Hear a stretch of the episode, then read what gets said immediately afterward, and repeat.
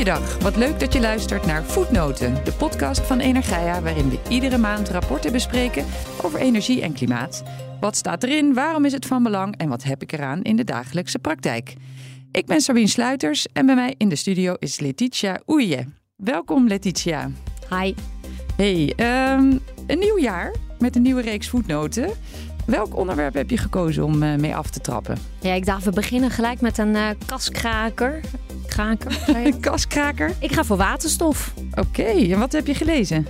Ik heb, uh, ja, dat is wel, wordt een beetje een bijzondere uh, uh, aflevering, omdat er komt een geschiedenisles. Um, oh, leuk. Ik heb, over waterstof? Over waterstof. Ik kijk, de geschiedenis van waterstof gaat natuurlijk veel verder dan wat ik nu ga vertellen. Want ik geloof, ik heb ooit foto's gezien van de Nel Electrolyzer in, uh, die ooit bij Norsk Hydro stonden, geloof ik. En die was van 1890 of 1900. Dus ja. waterstof bestaat al heel erg lang.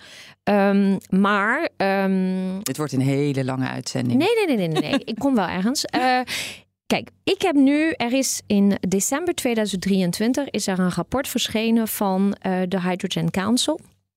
Ja, en dat is, dat is een hele belangrijke club op het gebied van waterstof. Met uh, 145 uh, leden over uh, de hele wereld die eigenlijk in de waardeketen van waterstof een rol van betekenis spelen dus of willen gaan spelen. Die waterstof uh, maken of electrolyzers maken. Of uh, waterstof willen gaan gebruiken, gebruiken, of in de mobiliteitssector zitten. Ja. En uh, de Hydrogen Council die heeft dus een rapport laten schrijven door McKinsey Company. Nou, die kennen we wel.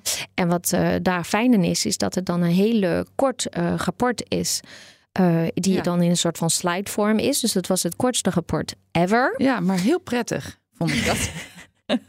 ja, het is wel eens le lekker na de ja. honderdste ambtelijke documenten van de NPE. Dus, uh, maar um, zij hebben in december 2023 dus dat rapport gepubliceerd. Die heet Hydrogen Insights, waarin, waarin zij The State of the Global Hydrogen Economy with a Deep Dive into Renewable Hydrogen Cost Evolution. Dus dat was een Zo. soort van snapshot van eind 2023. Waar staan we eigenlijk in de global Water. market voor waterstof. Ja, precies. En ik dacht, hoe leuk zou het zijn om terug te zoeken naar het rapport, het allereerste rapport van de Hydrogen Council. Ja. Hydrogen Council is ooit gelanceerd in januari 2017 bij de World Economic Forum in Davos.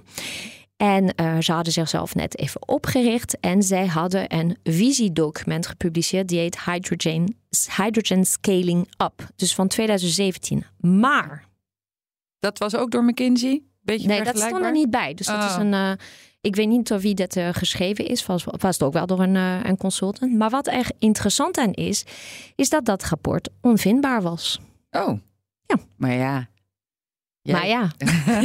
jij hebt het toch weten te vinden. Nou ja, ik wist dat die onvindbaar was en ik zou je vertellen waarom. Ja. Ik ben uh, hele tijd geleden, ik denk een jaar of twee uh, geleden, ben ik uh, gebeld door iemand die stage liep bij een organisatie. En die zei: Ik moet van mijn opdrachtgever op zoek naar de oorsprong van de 3 à 4 gigawatt uh, elektrolyse. Uh, target die in, de, in het klimaatakkoord is opgenomen. Dus in het klimaatakkoord ja. is ooit, uh, ik geloof in 2018, dus vlak voordat het klimaatakkoord echt wel gewoon getekend werd, 2018 kwam en uh, Waterstofcoalitie, die bestond uit allerlei organisaties van uh, milieu-NGO's tot aan uh, de gasindustrie. En zij hadden dus een soort van pamflet aangeboden aan Ed Nijpels om groene waterstof een plek van betekenis te geven in het klimaatakkoord. Ja. De plek van betekenis moest zijn ergens tussen de 3 gigawatt à 4 gigawatt. Ja. ja. En uh, ik had me eigenlijk destijds uh, de vraag niet helemaal gesteld van waar komt dit dan ineens ja. vandaan? Van dat is best wel een specifiek getal. Mm -hmm. Het ook tien kunnen zijn of één. Ja. Um, en toen zei de stagiair, ja, ik heb dus de opdracht om uit te zoeken waar dit vandaan komt. En toen hebben wij met z'n tweeën uh, best wel veel gewoon gepingpongd en, en allerlei websites bezocht. Lang verhaal kort, we kwamen erachter dat de oorsprong ooit was geweest de Hydrogen Scaling Up rapport van de uh, de, de Hydrogen Council. En ik ja. had er zelf. Uh, uit 2017. Uit 2017. En toen had ik hem daar veel succes mee gewenst en gedacht: van ja, die vindt hij zo. En ik kwam er dus met hem later achter dat dat rapport eigenlijk van alle websites is afgehaald. En nu uh, ben ik actief op X. en ik kreeg onwaarschijnlijk veel hulp aangeboden van, van uh, IT-geeks die mij verteld hebben hoe je dus blijkbaar allerlei geschiedenis van het web kan, kan opzoeken. En ik heb dus een, een echt een, een, soort van, ja, hoe noem je dat, backup van de Hydrogen Council website teruggevonden. En wij zullen in de show notes de, dus de, ja, de, de website vermelden waar je dat kan vinden. Dus is, dat het is geen PDF, want dan kan ik hem er ook gewoon in hangen. Nou, het is, ik maak daar een PDF van. Ja, dat lijkt me goed. Ja, dus die heb ik erbij gepakt, omdat ik het zo interessant vond om te kijken naar hoe keek de Hydrogen Council vers opgericht in 2017 bij de World Economic Forum na de ontwikkeling van waterstof. Ja.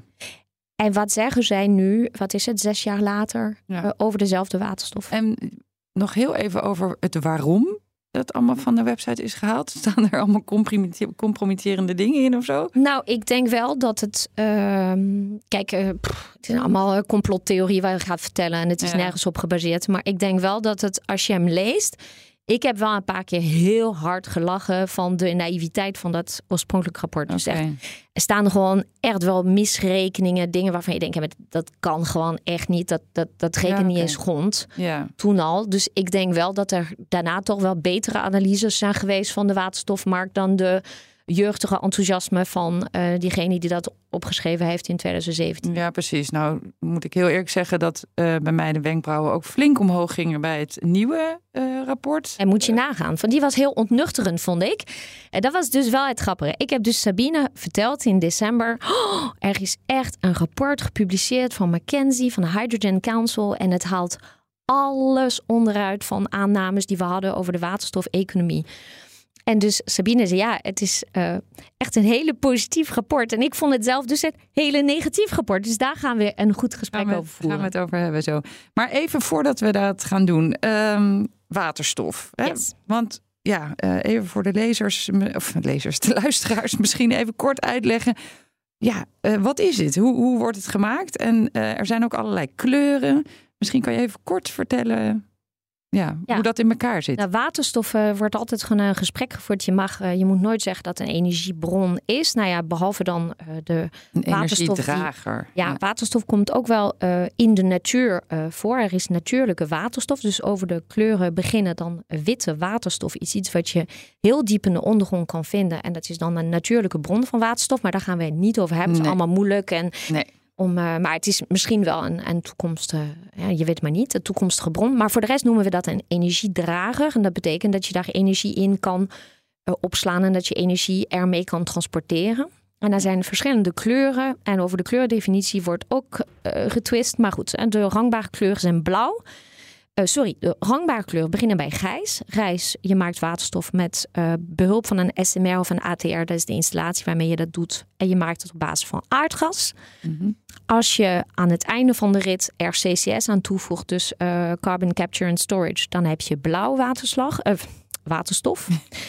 Um, als je dat doet met behulp van pyrolyse, dan heb je turquoise waterstof. Als je dat doet met uh, kernenergie direct, heb je paarse waterstof. Dat is met hele hoge temperatuur. Als je de kernenergie eerst in elektriciteit omzet en omzet dan weer in waterstof, dan wordt het roze waterstof.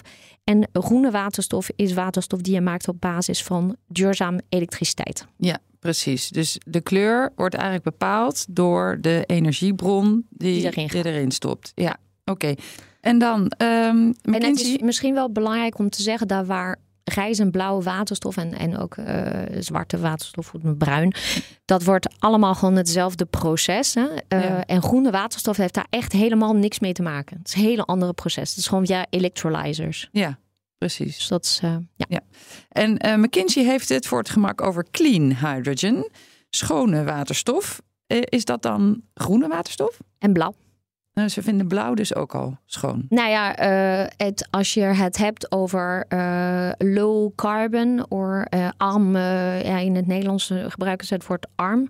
een um, CO2-arme waterstof, dan heb je het eigenlijk over blauwe waterstof. En groene waterstof wordt altijd genoemd green, green hydrogen. Ja. Maar als je zegt schoon, dan heb je het eigenlijk over blauw en groen. Ja, oké. Nou goed. Dus um, dit zijn de kleuren. Ja, dit zijn de kleurtjes. Um, nou, laten we beginnen ja, met, die, uh, met dat rapport uit 2017. Um, wat, wat, Wat waren de verwachtingen? Waar gingen we waterstof voor gebruiken? Nou, ze hadden zeven uh, belangrijke rollen voor waterstof eigenlijk voor ogen. Uh, het eerste, en ik vind dat die rollen best wel een beetje in elkaar overgaan of, of overlappen. Maar uh, de eerste was vooral het mogelijk maken om duurzame energie te integreren. En dat is misschien wel belangrijk om te zeggen, want mensen doen altijd alsof het uh, waterstof ons gaat, uh, zeg maar, een soort van uitweg bieden uh, ten opzichte van wind of zon. Maar toen in 2017 al werd er gezegd van nee, het gaat erom dat je heel veel duurzame energie gaat produceren in de wereld. Van die weg hebben we al, hè, zijn we al ingeslagen. Maar dat, dat duurzame energie, dat komt natuurlijk, hebben we een paar keer over gehad. Ja. komt op momenten waar het gewoon niet altijd heel handig is. Op plekken waar je het niet per se nodig hebt. Ja. Ik heb ooit samengewerkt aan, uh, toen ik werkte bij Nuon aan een hele grote uh, uh, windproject in de Arctic Circle. Nou, daar woont echt gewoon letterlijk niemand en is ook nee. geen energie nodig. Dan moet je allemaal gaan, gaan ja. transporteren. Dus het hele idee is dat waterstof je helpt om al dat duurzame energie gewoon goed in te passen in je energiesysteem. Ja. Dus nou ja, dat is rol nummer één. Rol nummer twee is eigenlijk een beetje hetzelfde. Is dat je het goed kan distribueren over regio's en sectoren. Dus dat je het opwekt ergens, omzet in waterstof en dan vervolgens gaat transporteren op een plek waar ze het niet hebben. Ja. België heeft heel weinig eigen grond om groene waterstof te gaan produceren. Dus die zou het wel gewoon willen hebben, van de Noren. Dan... Tegelijkertijd zitten daar ook wel echt heel veel haken en ogen aan. Want dat ja, transporteren, ja, ja. nou goed, ah, dat is niet zo makkelijk. Nou, de bufferfunctie uh, system resilience. Dus op de momenten dat je geen, uh, energie, of, uh, geen elektriciteit kan produceren in de doemkoelflauten, ja. dan kan je het gewoon halen uit je waterstofopslag. En dan zou je het in een elektriciteitscentrale kunnen gooien. Mm -hmm. decarboniseren van het transport zagen ze toen. Nou, dat zagen ze eigenlijk wel als de grootste afzetmarkt. Daar zullen we straks even over ja. hebben. Maar in 2017 was echt één grote mobiliteitsfeestje. Ja. Het hele rapport gaat over mobiliteit. En er is volgens mij op het stukje uh, energiegebruik uh, van de industrie en, uh, en bijvoorbeeld lange afstand transport per schip of aviation zit gewoon echt twee zinnen in het hele rapport. Okay. Het gaat allemaal over auto's, bussen, trucks. Hè? Mm -hmm. uh, dan heb je de energiegebruik van de industrie, zou je uh, met behulp van waterstof kunnen, kunnen doen. Je zou de industrie fietsstok, dus dat is alles wat ze gebruiken aan energie, maar dan in de vorm van uh, grondstof. Ja. Um, ja en dus dan, als basis voor chemie of. ja. ja. En dan heb je als laatste de heat and power sector. Dus dat is eigenlijk, uh, nou ja, wat ik al zei, het gebruik in, uh, in uh, stroomcentrales, gascentrales, die je zou kunnen ombouwen om daar waterstof in te kunnen verbranden. Maar ook het gebruik van waterstof in de gebouwde omgeving. Ja. En eigenlijk als Wat je is daar dan van uitgekomen? Want um, Ja. ja, nou ja, we zijn nu inmiddels drie jaar, of nee, zes jaar verder. Um, ja, ik ben, ben benieuwd. Ik zie nog niet zo heel veel auto's en, uh, en vrachtwagens. Ja, ze zijn er wel. Hè. Er zijn wel vrachtwagens en, en bussen en zo op waterstof. Maar ja, het is nog niet zo dat het storm loopt. Nou kijk, um, ze hadden uh, voor transport, uh, was dat hele uh, rapport eigenlijk wel een soort van opsomming van voordelen van waterstoftransport ten opzichte van elektrificering van de mobiliteit. Mm -hmm. En dat is wat er heel interessant is aan dit rapport, is dat het eigenlijk doordrenkt is van um, aannames die in 2017 ja, wellicht te maken waren. Want toen, uh, behalve de, de Prius, had je ook niet zo heel Nee, veel elektrische auto op de weg. Mhm. Um, maar die uh, ingehaald kwam- zijn door de Toen realiteit. kwam Elon Musk. Nou, Elon Musk was, was al een tijdje bezig, maar die ging inderdaad echt aan van schaal uh, van start. Maar toen is natuurlijk ook bijvoorbeeld de Europese Commissie met allerlei eisen gekomen dat uh, uh, fossiele uh, verbrandingsmotoren per 2035 verboden zouden worden. Mhm. Waardoor bijvoorbeeld de Duitse um, automotive echt heel erg zwaar is gaan investeren in elektrisch vervoer. Maar dan hadden ze toch ook kunnen investeren in die waterstofauto's? Uh, hadden ze ook kunnen doen. Is, kijk, een aantal bedrijven hebben dat gedaan. Honda en Toyota die, die hebben wel gekozen voor de, voor de waterstof. Maar wat interessant is, is dat um, ik heb dus een paar van die aannames er nog even bijgepakt. Mm -hmm. En er is een studie bijvoorbeeld die ze aanhalen. Ze zeggen van in 2015 heeft de TU Dresden gekeken naar de Nederlandse markt. Dus dat vond ik interessant in een Global Report. Ja. En ze zeiden van op basis van die studie zou 75% van de mensen, dus in 2015, een elektrische auto overwegen. 75, dat is best wel hoog. Ja. Maar 35% alleen als de range boven de 600 kilometer zou zijn. Ja. En in die tijd kan ik me dat gewoon heel goed indenken. Want het was gewoon heel erg zoeken naar een een oplaadpunt, ja. En tegenwoordig heb je bij, uh, nou ja, ik zou zeggen, om de twee of drie afslagen heb je gewoon een snellader in Nederland. Uh, in Nederland. Uh, ja. nou, maar goed. En ik ben op vakantie afgelopen zomer naar Bretagne geweest. En ik kon ook om de twee of drie afslagen in Frankrijk langs de weg bij een snellader hangen. Ja. Maar je kan tegenwoordig ook wel bij de supermarkt je auto opladen of op straat. Dus er is een enorme verandering en kentering geweest wat dat betreft. Ja. Omdat de publieke infrastructuur zich ook gewoon enorm, uh, uh, ja, is, is enorm gaan groeien. Mm En dat is niet voor waterstof zo.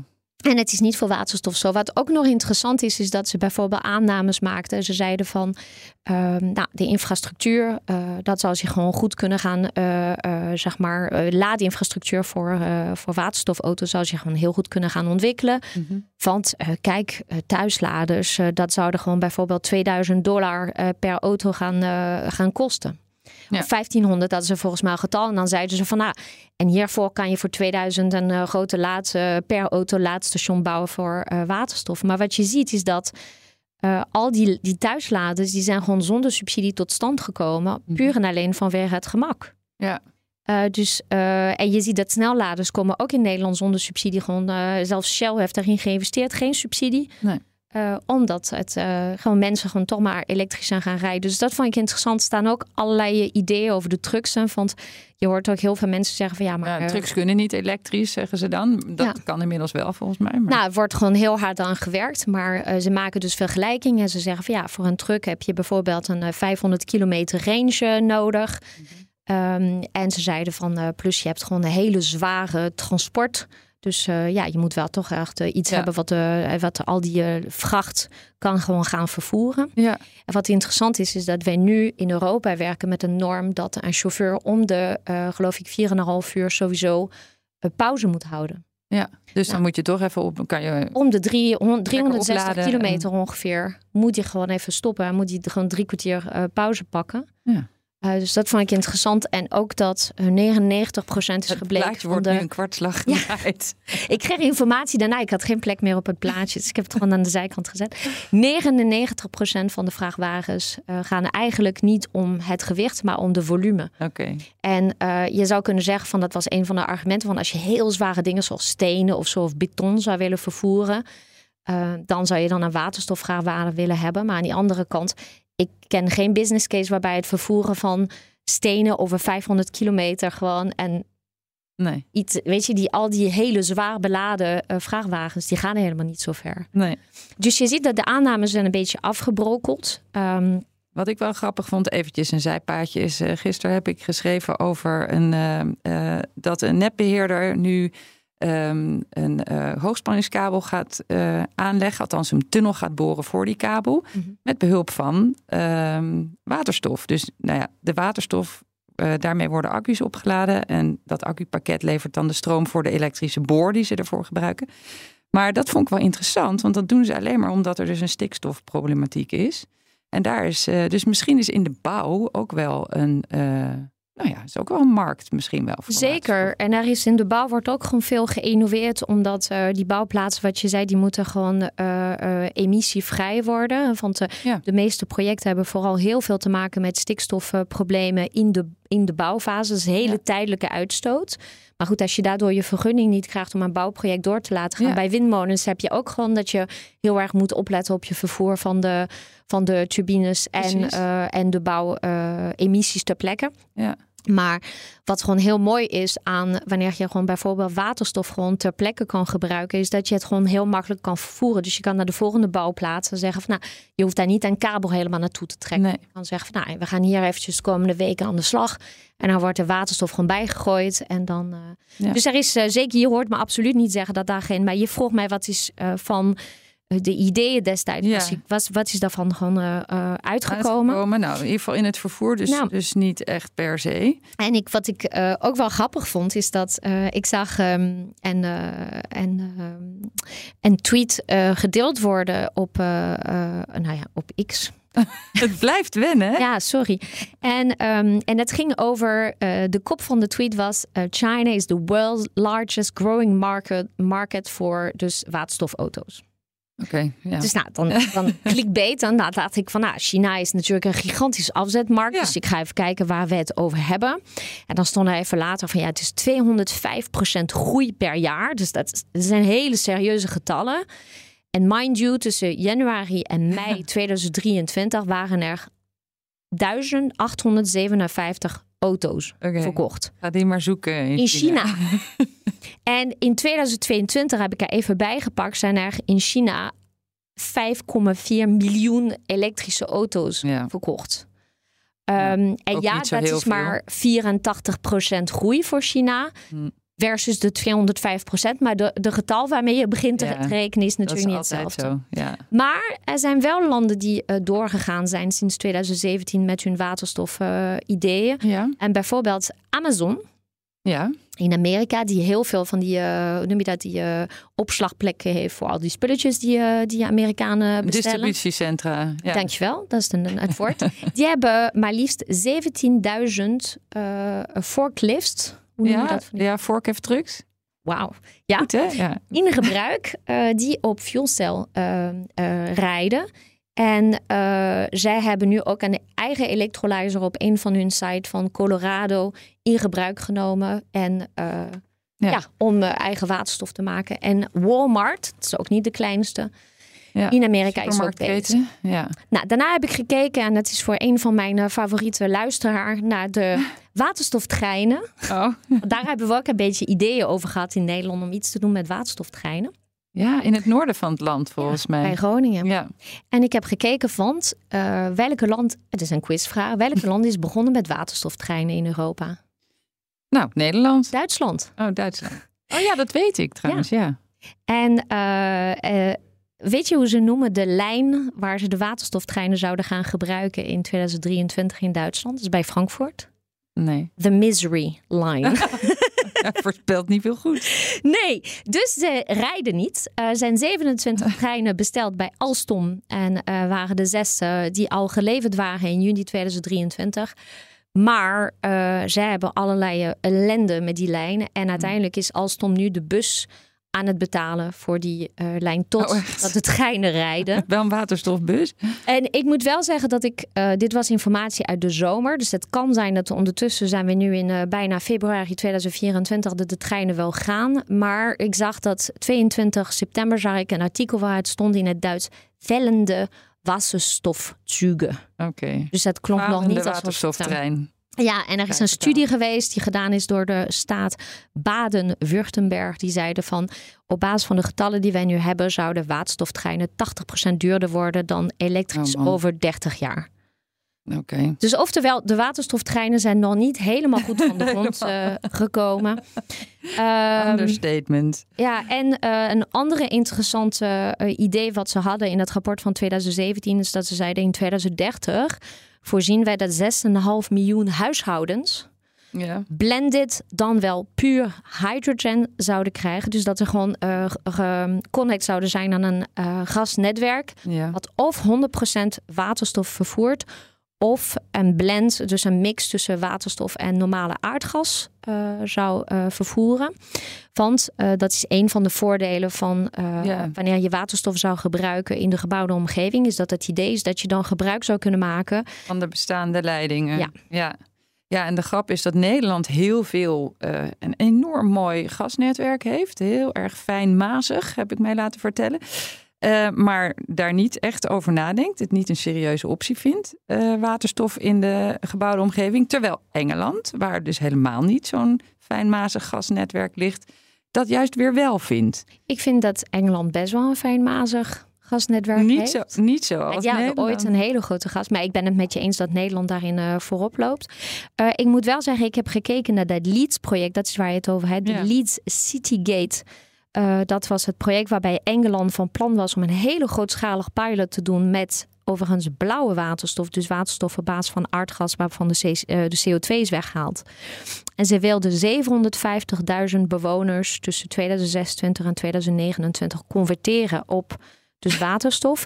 En dat daar. converteren. Ja, Mensen converteren. nee, de aansluiting. Maar dat dat ook nog niet van de grond is gekomen. Ze zijn wel in Engeland, moet ik zeggen, heel goed bezig met het soort van waterstofclusters creëren. Met echt forse investering van uh, de overheid. Alleen we hebben het nu over het stukje warmte in de gebouwde omgeving. Mm -hmm. En kijk, jij zegt van we, we denken daar niet echt aan. Ik ben um, na een paar sessies geweest over wat houdt het allemaal in om waterstof in de gebouwde omgeving te gebruiken. En nu wil ik vooral eventjes een beetje voorbij aan het gesprek over wat is het meest efficiënt.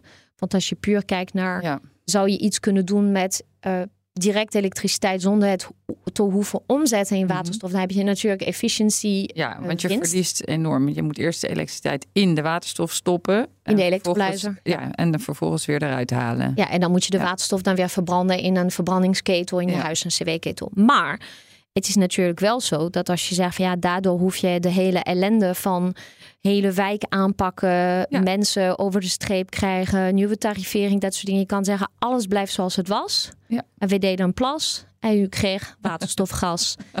Dat zou natuurlijk fantastisch zijn. Alleen heb ik wel begrepen dat je uh, de infrastructuur moet gaan een beetje upgraden. Want uh, waterstof is zeg maar heel vluchtig gas. Mm um, en dan zou je kunnen hebben dat je dan waterstoflekkages hebt. Dus je moet echt een soort van coating aanbrengen in de pijpleidingen. En hiernaast moet je de pijpleidingen helemaal spoelen. Okay. Ze moeten schoon. Er moet gewoon geen vervuiling in de leiding zijn. En dat zal dan betekenen dat je dus hele wijken zou moeten afsluiten. Eerst van het uh, aardgassysteem. Dan spoel je de leidingen. En hoe lang duurt dat? Ja, geen. Ik, ik, dus voor hoe lang? een kwestie van dagen. Oké. En uh, dat je dan uh, vervolgens ook gewoon bij iedereen volgens mij of de cw-keton moet vervangen. Of bijvoorbeeld in je keuken moet je andere branders of zo. Maar goed, dat zijn de investeringen niet. Alleen ik vond het heel grappig dat ik een keertje naar zo'n sessie moest, mocht aanschuiven. En dat van de netbeheerders. En ze hadden bedacht dat je dan in de tijd dat je bijvoorbeeld niet kon douchen, omdat je heel even geen warm water zou hebben, mhm. dat je wijkdouches zou kunnen gaan neerzetten. en ik, oh, ik stel me er van alles bij voor. Nou, ik ben in mijn dagelijks leven bezig met een wijkaanpak rondom een warmtenet. En ik kan je verzekeren dat je nog een hele weg te gaan hebt voordat je mensen gaat overtuigen om net als op de camping met de handdoeken onder de arm even in de wijk een paar je dagen. toilettasje met je tandenborstel. Ja. Nou dus goed, eh, zullen we even een beetje door, want uh, um, we blijven een beetje lang hangen bij het 2017 rapport. Lees hem. Um, ja, nou ja. Um, even zien, want het gaat dus over de, de waterstofeconomie. Uh, We hebben nu allerlei aspecten eigenlijk denk ik daarvan al min of meer behandeld. Nou ja, goed, we missen natuurlijk alles wat uh, ze van plan waren in de industrie. Hadden we erover gebruik in de staalindustrie. Ja. Uh, ze wilden dat er, uh, ze waren eigenlijk van plan om allerlei demonstratieprojecten gewoon op schaal te gaan doen voor staalplans. Ja. En wat moesten de overheden doen om dit, deze, deze waterstofeconomie van de grond te krijgen? Want ergens is het dus soort van niet gelukt, niet, niet gebeurd. Ik heb een boodschappenlijst. Hij heet ook Wat moeten, moesten overheden doen? Dus dat is oh. goed afgestemd. Oh, kijk aan. En ze zeiden eigenlijk uh, hoe dit te bereiken is een demand pool. Okay. Ze zeiden van je moet gewoon zorgen dat er vraag is. En als er vraag is, dan kom je er vanzelf aanbod. aanbod. Uh, en het andere was, je moet ook zorgen dat je iets doet aan de chicken and egg problem. Want ja. waar we het net ook over hadden met het feit dat in 2015 mensen zeiden van ja, pff, ja, als ik gewoon niet kan laden voor mijn elektrische auto, dan zie ik het niet zitten om een auto te kopen. Ja, dus... Op een moet je dus laadstations gaan neerzetten terwijl er nog geen auto's zijn. Ja. En dat is wat er dus niet gelukt is tot nu toe mm -hmm. bij de waterstoftankstations. Er zijn in Nederland wel geteld 14 waterstoftankstations. Ja versus hoeveel eh, snelladers, gewoon veel en veel meer.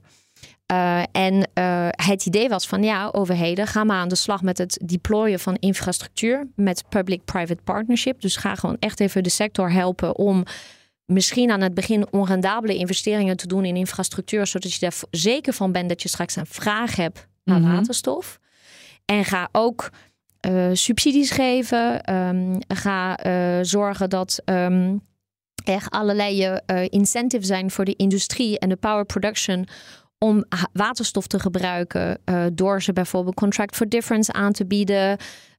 seasonal balancing remunerations. Dat je bijvoorbeeld zegt van je krijgt dan zoveel voor het opslaan van elektriciteit, waardoor we gewoon een soort van opslag, mm seizoensopslag krijgen in Nederland, of in Nederland in de wereld. Ja. Uh, ga carbon pricing introduceren. Dus ze waren allemaal, ze, ze zeiden echt, je moet eigenlijk zo'n van national action plannen doen. Ja, en dat is niet gebeurd. Het, het is echt gewoon te weinig geduld uh, gebeurt. ik denk dat dat wel de. En uh, kijk, ik, ik vond eigenlijk misschien wel de, de, de, het begin van het. Ik wil niet zeggen het begin van het einde, maar wel het begin van het einde richting 2023. En daarna zien we wel wat daarna gebeurt. Was dat uh, wij zouden dat gaan op grote schaal gaan bewijzen, deze waterstofeconomie, bij de Tokyo Olympic Games. Oké. Van 2020. Ja, dat is waar, ja. Ja. En er waren allemaal plannen. Er waren allemaal plannen. En de, eh, de maar dat is wel kenmerkend volgens mij voor de waterstofeconomie en de staat van de waterstofeconomie. Het is vooral een planeconomie. Ja, dus er waren echt allerlei ideeën om uh, al het transport uh, uh, van, van, van sporters en van, van hoe noem je dat? Ehm, nou, Atleten. Nee, mensen die komen kijken. Oh, publiek, toeschouwers. Publiek toeschouwers. Ja. Om dat allemaal te gaan doen met uh, fuelcelbussen, met waterstofauto's, et cetera, et cetera. De, de, de, de torch, weet je, de Olympic Torch, die zou ook even gaan werken met, uh, met waterstof. En uh, nou, dat is allemaal gewoon wat, allemaal wat minder geworden. En uiteindelijk heeft de University of Lausanne in, in Zwitserland, die heeft een rapport geschreven waarin ze gezegd hebben dat de Olympic Games in Tokio de third least sustainable Olympics waren oh. sinds 1992. Oh mijn god. Ze hebben naar 16 Olympic Games gekeken en gezegd dit was de derde slechtste. In termen van uh, milieuprestatie. Ja, oké. Dus dat was niet helemaal de showcase die wij voor ogen hadden. Nee, nou, even van de Olympic Games naar uh, de stand van zaken. naar McKenzie, inderdaad. Uh, stand van zaken. Het rapport over nou, de waterstofeconomie wat eind 2023 is uitgekomen. Dit was wel te vinden op de website van de Hydrogen Council, dus heb je niet heel erg hoeven zoeken. Ehm, maar je was er helemaal van, uh, van de kaart. Ja. Waarom? Omdat uh, het een. Um, kijk, ze zijn heel eerlijk over. Ze noemen het uh, de headwinds. Dus mm -hmm. wij hebben gewoon waterstof heeft een klein beetje wind mee, maar vooral heel veel wind tegen. En dat is voor het eerst dat ik van kijk van een Hydrogen Council. Uh, daar zijn 145 ondernemers of bedrijven die heel graag iets willen doen in een waterstofeconomie. Dus die zijn daar.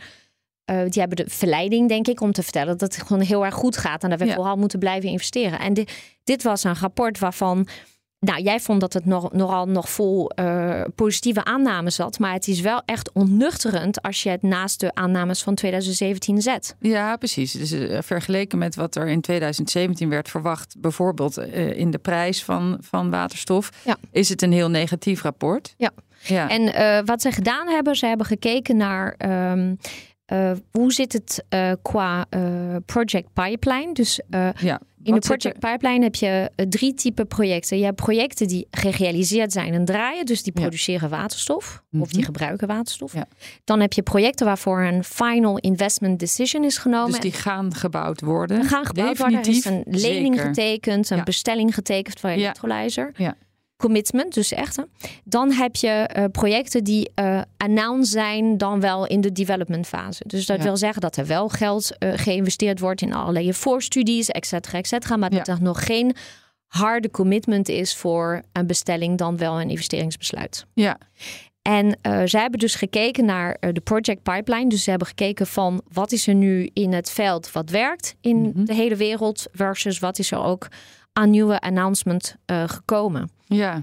En, en daar uh, zit nogal een gat tussen. Daar zit... zit een gigantisch gat tussen. Ja. En het laatste wat ze gedaan hebben, is ze hebben gekeken naar en hoe zit het met de regulatory landscape. En dus wat zijn de overheden van de hele to-do-lijstje waar we het net over hadden. Mm -hmm. Wat is daarvan uh, gekomen? Ja. En ze sluiten met, vind ik het, als je maar één ding leest, het meest interessant vond ik slide uh, op bladzijde 2. Ik heb nu echt een bril nodig. 22. Um, en dat gaat over de kosten van elektrolyzers. Ja, oké. Maar even om te beginnen met die projecten die zijn uh, uh, aangekondigd. En, uh, dat, want hoeveel zijn er?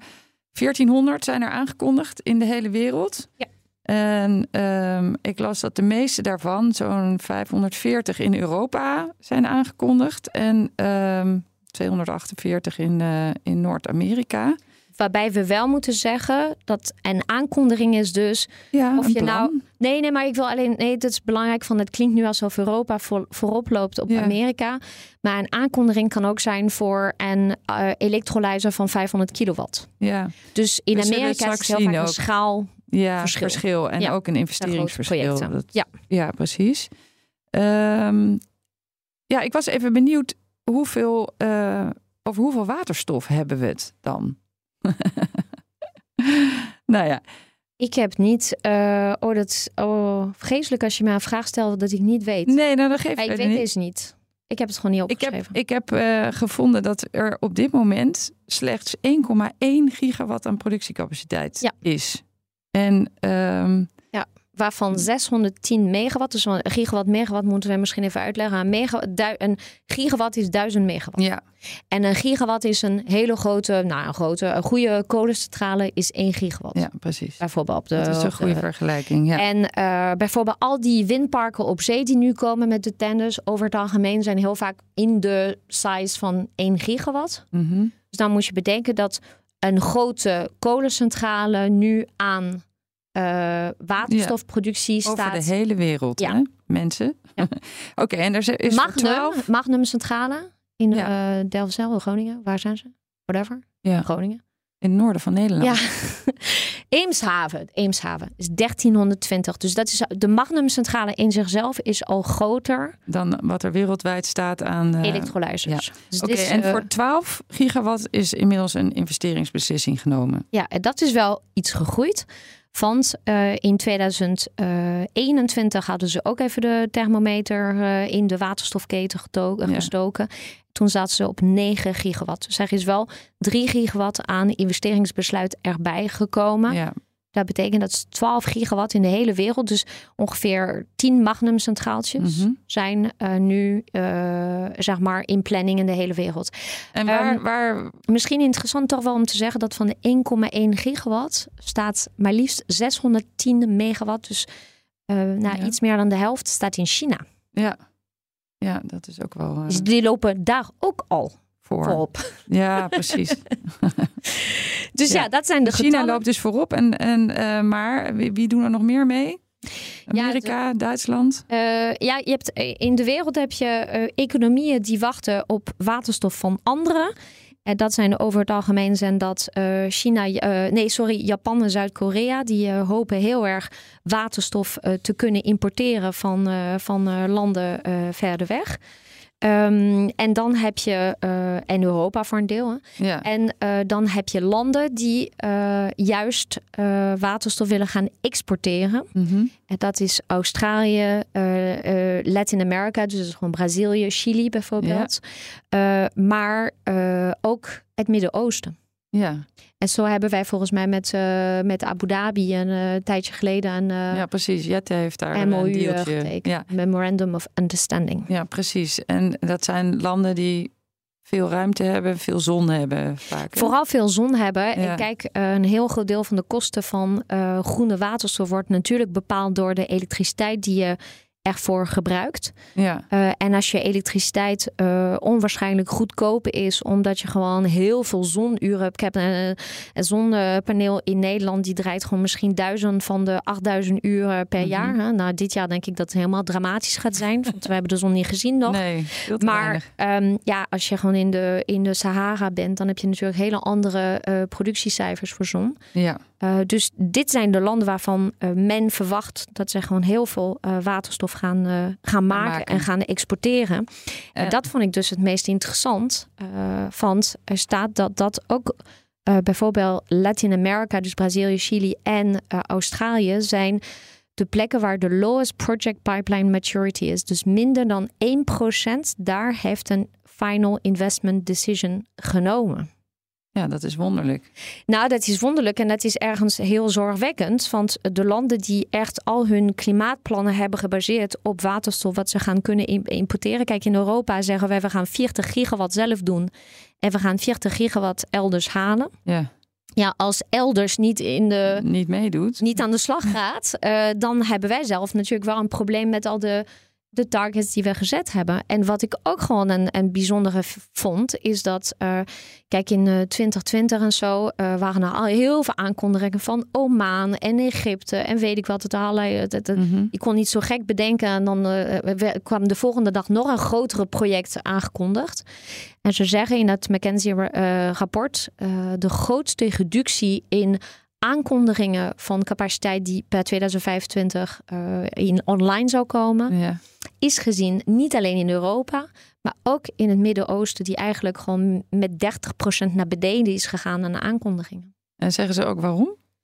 Wat daar de oorzaak van is? De kosten. En ze zeggen aan de ene kant de stijgende kosten. Aan de andere kant uh, het feit dat de elektrolysefabrieken maar niet van de grond komen. Want je moet natuurlijk wel die elektrolyzers waarmee wij straks grootschalig al dat elektriciteit willen gaan omzetten in groene waterstof, die komen van uh, fabrieken. Ja. En die fabrieken, ja, die komen maar niet. Die hebben zoiets van: ja, ik ga pas een nieuw fabriek bouwen om al die elektrolyzers te produceren als ik een final investment decision zie. Hmm. Want straks blijf ik met al die spullen uh, hier op de plank liggen.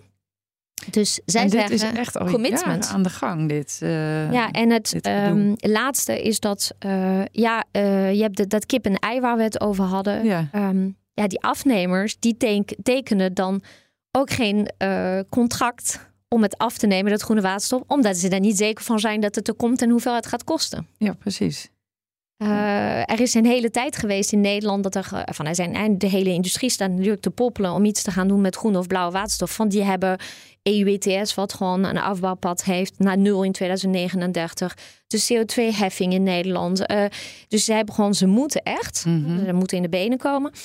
Maar ja, uh, als zeg maar geen elektrolyzers van, van de grond komen aan de ene kant en al zeggen we zien dat het misschien in Nederland 8 of 10 kilo per ki uh, euro per kilo gaat dat kosten. Dat is het vooral, denk ik. En dat, dat zij duur. heel lang hebben gedacht, als het komt uit Oman of weet ik wat, kost ja. het gewoon 2 euro per kilo. Dan zit je ook een beetje te wachten dat het gewoon vanuit het buitenland wordt aangevoerd. En zo kijkt de hele wereld naar elkaar. Ja, en schieten we geen bal op. En zitten we over zes jaar weer een beetje te lachen over dit rapport uit 2023 ja, met de voorspellingen. Ik hoop het echt niet. Nee, ik, ik hoop, hoop, het, het ook niet. niet. Nee, ja. want uh, nog heel even kort. He, hebben we een alternatief? Als stel, dit hele waterstofeconomie komt niet van de grond. Ik, um, je stelt me een hele uh, goede vraag. Want dat is wel een beetje. Ja, en dit klinkt nu echt alsof ik gewoon een hele verdrietig leventje heb. Maar dit is een vraag waarmee ik best wel vaak naar bed ga en mee wakker word. Ja.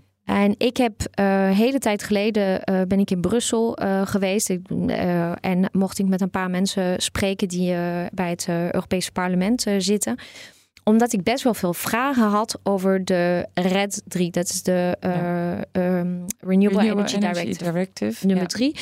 En uh, de RED 3, daar hebben we het in de vorige podcast een paar keer over gehad. Die heeft straks als uh, doelstellingen voor het huidige, dus de industrie die nu al waterstof gebruikt, mm -hmm. reizenwaterstof, moet volgens de RED 3, als die geïmplementeerd is in, in lokale wetgeving, moet uh, voor 42% van het waterstof moet in 2030 van groene waterstof afkomstig zijn.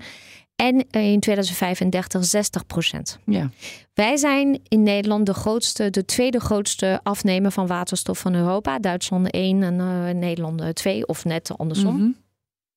Dus dat betekent, wij hebben al best wel veel grijze waterstof die wij, zodra de RED 3 is geïmplementeerd in Nederlandse wetgeving, moet worden vervangen door groene waterstof. Nou, dat lijkt me een uitstekende incentive, toch? Het is een zekerheid dat die industrie die waterstof gaat afnemen. Nou, het is een zekerheid dat de industrie gewoon een verplichting, dan wel een boete aan de broek heeft hangen.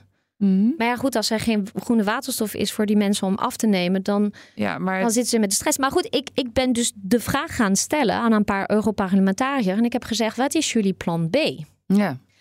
En één zei tegen mij, en eerst dacht ik, ik snap er niks van. En nu denk ik dat ik het wel een beetje kan plaatsen. Hij zei, weet je, ik denk dat waterstof eigenlijk plan B is.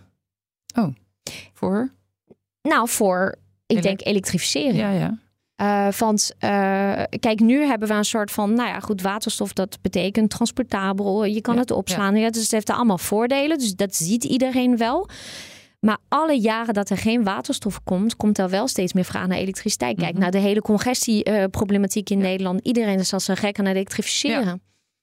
Ehm, de vraag is wel van ja, weet je, gaat dit ons brengen naar de klimaatneutraliteitsambities uh, die we hebben uh, in 2050? Ja. Maar kan, ehm. ja, mijn vraag is dus gewoon, kan dat zonder waterstof? Ja, ik denk voor nu denk ik het niet.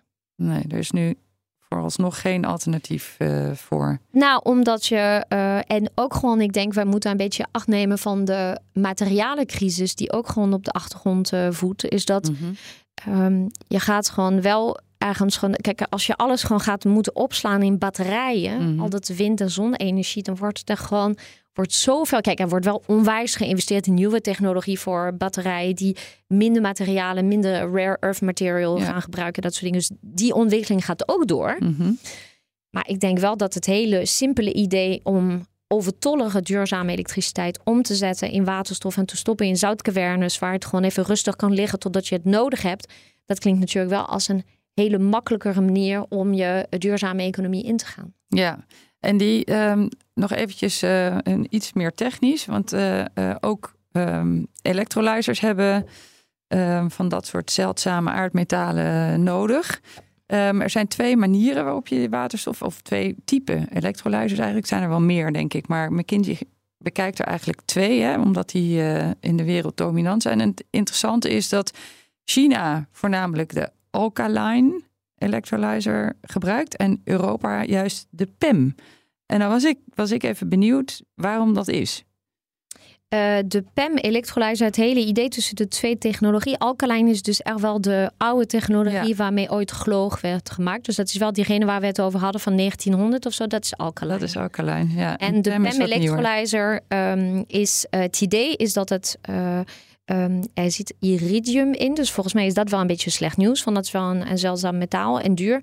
Maar het idee van PEM is dat het gewoon uh, niet zo, zo, voor baseload gemaakt zou zijn, maar juist heel goed om zou kunnen gaan met variabel input van elektriciteit. Oké. Okay. Want waarom was de oudste elektrolyzer van Europa in Noorwegen bij Hydro, waar ik het over had? Waterkracht. En waterkracht ja. is 8000 uur per jaar, kan je het gewoon even aanvoeren. Heel stabiel, ja. Heel stabiel. En nu de idee die we daarvan hebben is van op, even een wolkje voor de zon. Hup, even. Ja. dus wij willen het gewoon heel flexibel gaan inzetten. En mm -hmm. de mhm. theorie is dat de PEM-electrolyzers daar heel erg geschikt voor zouden zijn. Okay. Waarbij geloof ik de grootste schaal nu is uh, 20 megawatt, als ik me niet vergis, in Duitsland bij Shell. Oké. Okay. Dus dat is nog niet echt uh, op hele grote schaal uh, toegepast, maar worden wel. Uh, en, het, ja, en waarom in Europa? Nou, dus aan de ene kant dus dat het feit dat zij graag aan de slag willen met uh, flexibel input. Mm -hmm. Maar ook omdat Siemens daar een belangrijke speler in is. Ah, oké. Okay. Ja. Dus dat is het. Oké, okay, um, even nog naar de, de, de, het rapport van McKinsey. Want um, jij was er dus door uh, geschokt en ik eigenlijk ook, maar op een, op een heel andere reden. Uh, wat mij vooral heel erg opviel, is dat er dus een enorme hoeveelheid projecten um, is die worden verwacht hè? Um, vanaf 2030. Um, er is 300 gigawatt aan waterstofprojecten aangekondigd, las ik. -hmm. Terwijl er op dit moment dus, wat we al zeiden, 1,1 aan elektrolyseprojecten is gerealiseerd. En 12 gigawatt waar definitief uh, in wordt geïnvesteerd. Dus nog gebouwd moet worden. Ja, maar goed, da, dat ja, maar gaat goed, dat wel gebeuren. Wel, maar het is wel een belangrijk uh, aspect, uh, omdat um, Kijk, eh, voordat je gaat helemaal opschalen, wil je natuurlijk wel enige vorm van comfort hebben ja. op hoe die projecten die nu, waar nu van deze projecten worden nu allemaal gewoon grotere schaal. Ja. Je wil wel een beetje kijken dat het het doet voordat je daar gewoon dieper uh, in investeert. Zeker. Dus het is belangrijk wanneer deze projecten online komen. Ja. Um, en ja. uh, ik verwacht dat ze allemaal, kijk, investeringbesluit eind 2023 zou betekenen dat je gewoon eind 2025, begin 2026 zou moeten kunnen draaien. Dat, geeft wel weinig feedback voor. Dat geeft heel weinig feedback. En dat geeft ook nog eens heel weinig tijd om die 300 gigawatt uh, waterstofprojecten die is aangekondigd te, eh, te, te realiseren. Ja. Dus eh, ja, ik vraag me dan af, hoe realistisch zijn dit soort getallen? Dat, ja, vind ik gewoon heel ingewikkeld. Het, het is wel zo dat, en dat het klinkt heel erg kruifiaans, maar hoe langer je wacht, des te minder, hè, de, minder waarschijnlijk het gaat worden. Hoe meer subsidie erbij moet, denk ik ehm, dan. Nou ja, en ik, ik maak me ook een beetje van daar was één zinnetje. Kijk, waar ik me gewoon vooral gewoon, wat ik heel graag zou willen weten, is hoeveel van de um, OEM'ers, zoals het heet, de manufacturers van de elektrolyzers, hoeveel daarvan zijn echt aan de slag gegaan met het opschalen van hun waardeketen? Ja.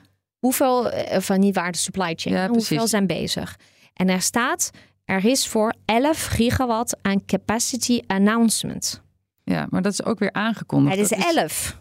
Ja, dat, het is heel weinig, maar het is ook nog eens aangekondigd. Dus het is nog niet zeker dat het gaat gebeuren. Dus dat, dat is natuurlijk wel wat, uh, wat gewoon het uh, heel spannend maakt. En um, ja. ja. weet je, uh, er is natuurlijk wel een snel, nou ja, snelle oplossing of pleister op deze bloedende wond.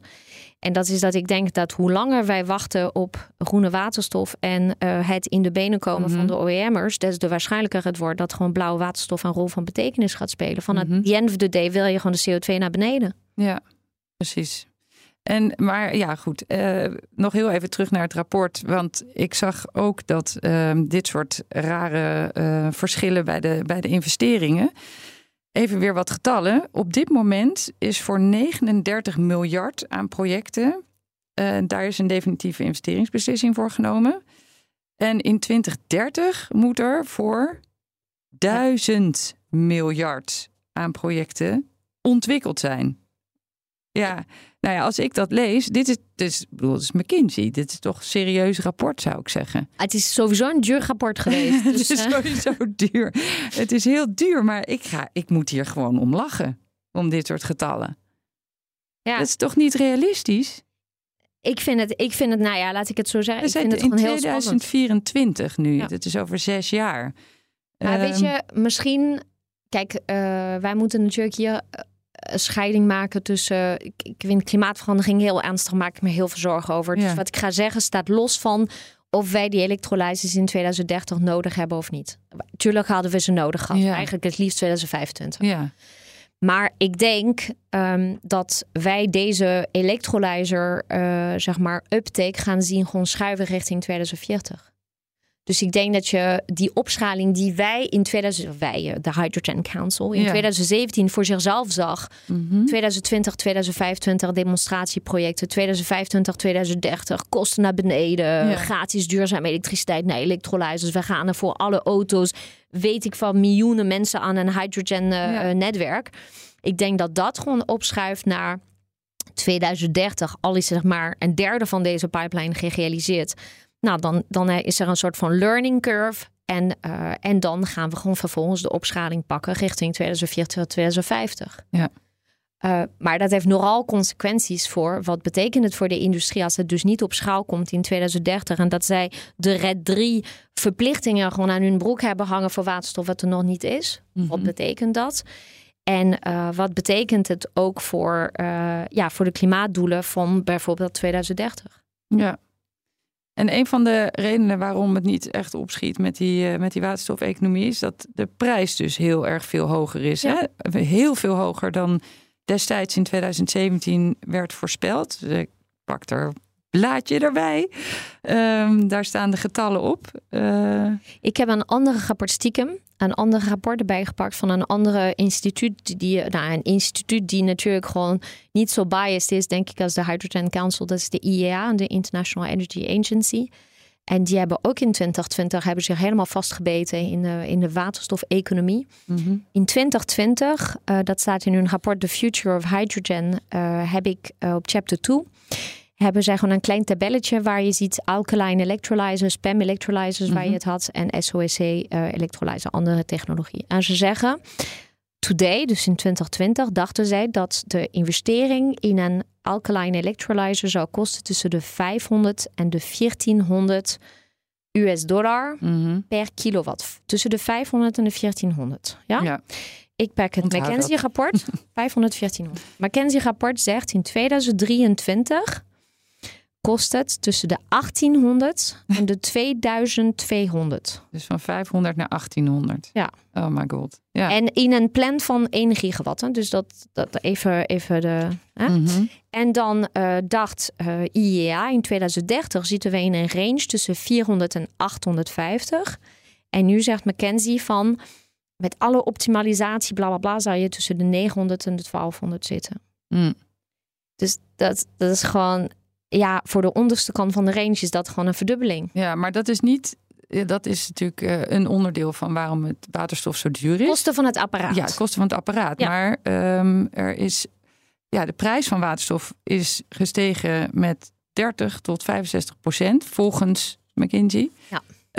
Um, en een, een groot deel daarvan komt door de stijging van de kosten van uh, materialen, mensen. Nee, nee maar dat... duurzame energie, toch? Over de waterstof, ja, Ja. dat komt gewoon dat. dat uh, Omdat die prijzen zoveel hoger zijn nu. Kijk, ik wou zeggen, ik ben ouder dan jij, maar dat, dat is niet zo. Maar ik, ik, ik ben al heel lang bezig zeg maar, met waterstof en duurzame elektriciteit. En ik weet nog heel goed dat Je in bent begin... ouder in waterstof, ja. In waterstof.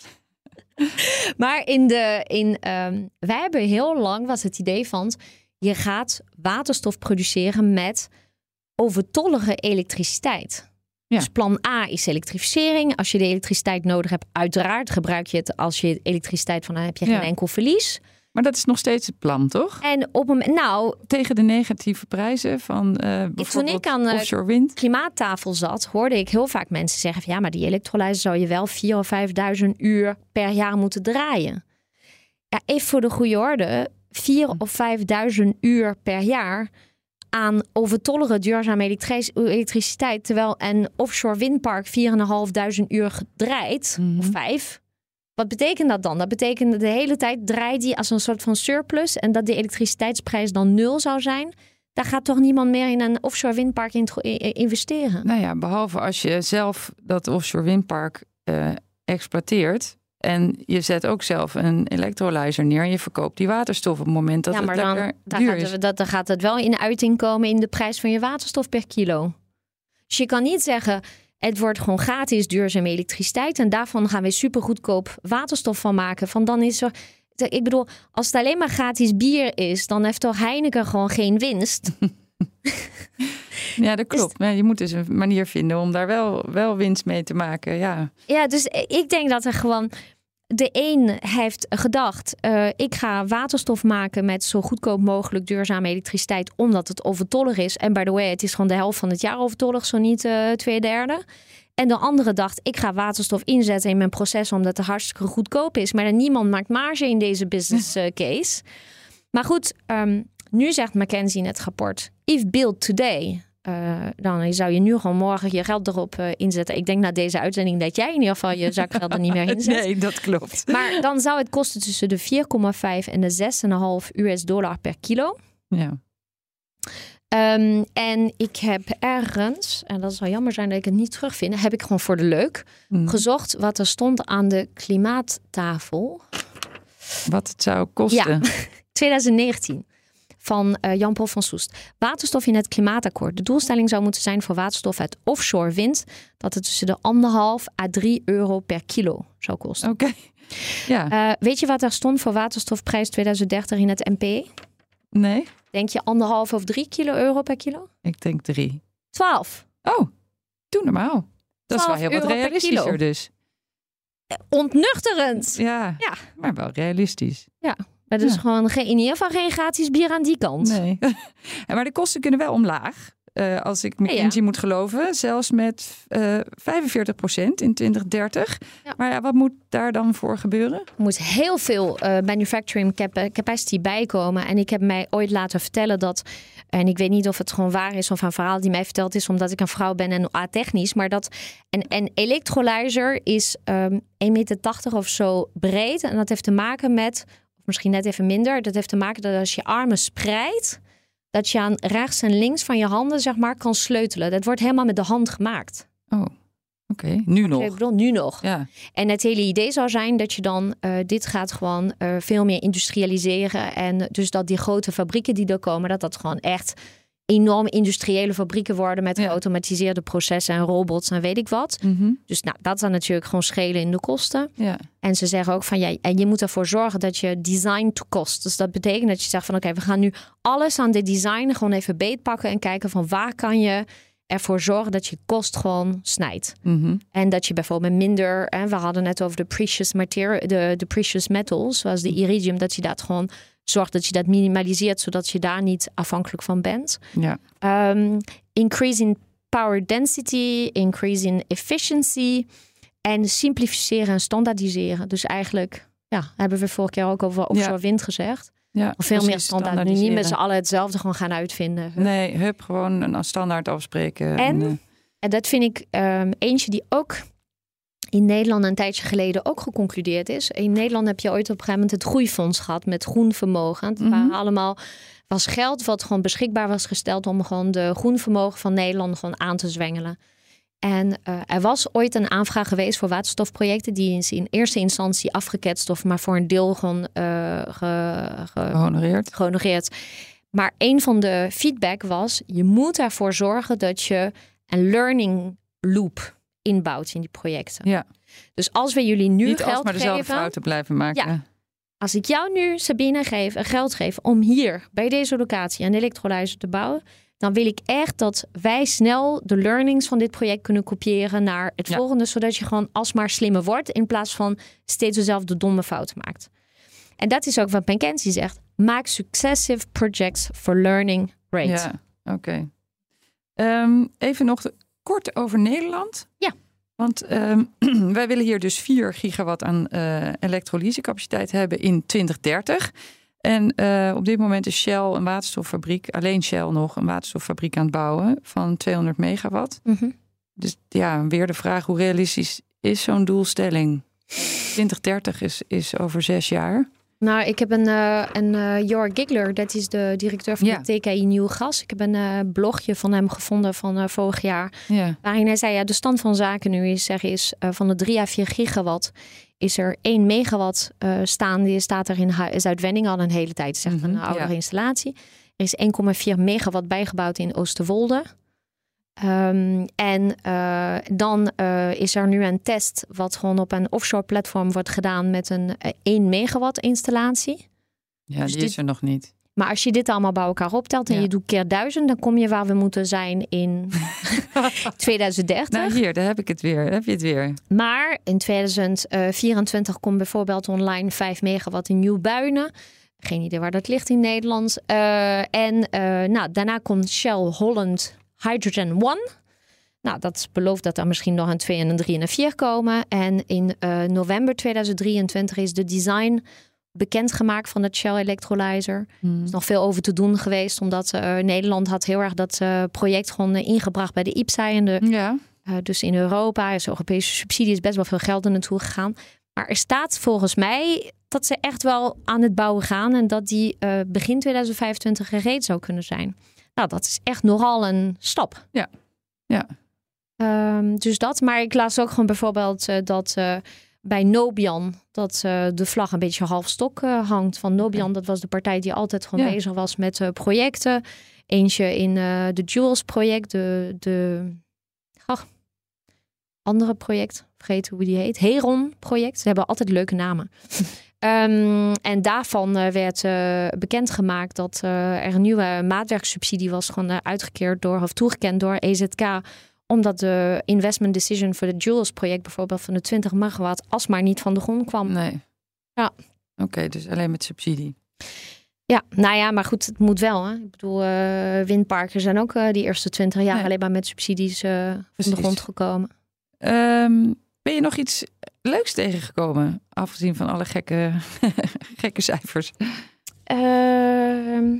nou, eigenlijk niet echt. Nou, ik vond, ja, ik vond het allemaal. Ik viel van de ene verbazing naar de andere. En ik heb steeds printscreen naar mensen gestuurd. Van, oh, heb je dat gezien? En uh, ja. En die verhaal, oh ja, nee, wat ik ook wel grappig vond is, misschien moeten we dat ook wel zeggen, is dat het, uh, de waterstoftreinen waar we het over hadden, wat zo niet helemaal zo goed gaat, het heeft niet allemaal met waterstof te maken. Bijvoorbeeld de toiletten in de uh Alstomtrein doen het niet. Oké. Ik zou denken dat dat iets is wat je ook gewoon zonder waterstof zou moeten kunnen oplossen. Maar het was ook interessant. Ze zeiden van een van de redenen waarom ze gewoon heel veel moeite hebben gehad om die waterstoftrein op de rails te krijgen, is dat zij tekort hebben aan conducteurs. En die conducteurs die moeten opgeleid worden. Ja, precies. Dus als je niemand hebt om naar een training te sturen, een week of twee of drie, je weet niet hoe lang je nodig hebt om Ja. die. Want het rijdt anders, een, een waterstof. Het rijdt anders. Ja, dat is En een machinist. nou ja, Ja, kijk, de treinen zijn anders. Ja. Wat ze gewoon gewend zijn. Dus dan moet je een machinist laten, eh, laten opleiden. En zij hebben gewoon een schreeuwend tekort aan, eh, aan, eh, aan machinisten. ja. Dus ze hebben niemand Dus om het naar is een niet cursus te allemaal de sturen. schuld van de. Nee, de maar dat- ik vind het wel, ja, we- weet je, best wel bijzonder. Dat heeft allemaal te maken met hoe, hoe goed wij met z'n allen zijn in het opnemen van nieuwe technologie in onze, in onze moderne economie. Precies, hoe moeilijk dat De eigenlijk toiletten is. doen het niet. Dan is dit het einde van de twaalfde aflevering van Voetnoten. Dankjewel Letitia voor je heldere uitleg. Over een paar weken zijn we weer terug met een nieuwe aflevering. Heb je een vraag of een opmerking naar aanleiding van deze aflevering? Laat het ons dan weten via de socials.